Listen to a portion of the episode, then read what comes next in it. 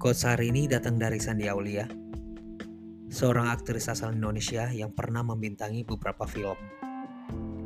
Salah satu film terkenal yang pernah dibintangi oleh Sandi Aulia yaitu Evil I'm in Love.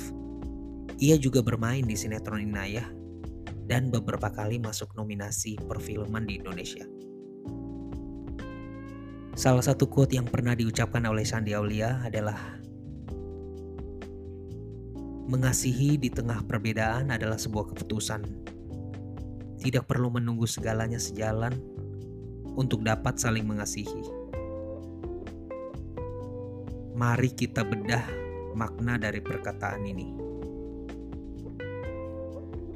Makna dari ungkapan pernyataan tadi sepertinya sangat sederhana, namun sangat dalam.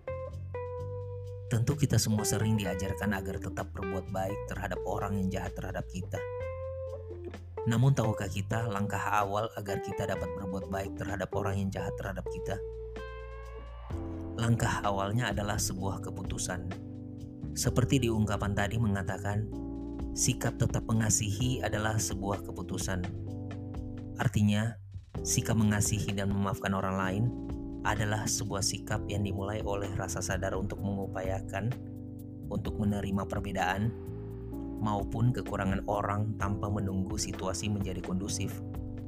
Jadi, jika kita ingin melihat suasana di circle kita menjadi jauh lebih baik, perlu usaha dari diri kita sendiri dulu untuk mengupayakan hal itu.